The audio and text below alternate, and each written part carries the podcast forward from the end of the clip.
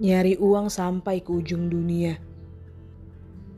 menumpuk uang entah untuk apa. Anak terlantar hingga tidak bisa baca. Bila ditanya, alasannya selalu semua ini demi anak. Tapi anak dapat nilai jelek dibilangnya hanya ini bisamu.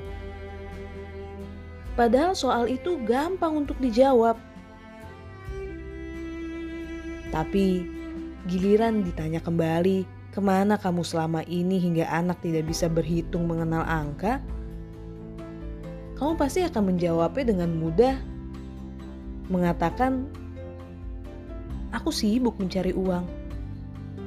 Dan uang itu juga untuk anakku juga nantinya. Sekarang gini. Lalu untuk apa kamu menumpuk uang itu? Bila anak tidak mengerti tanda baca, bila anak tidak mengerti kata-kata, dan bila anak tidak bisa berkata dengan benar. Apa uang itu untuk menyogok guru agar meluluskan anakmu? atau menyogok seseorang agar anak belajar bahwa uang akan menyelesaikan segalanya. Aneh, sekaligus miris mendengarnya.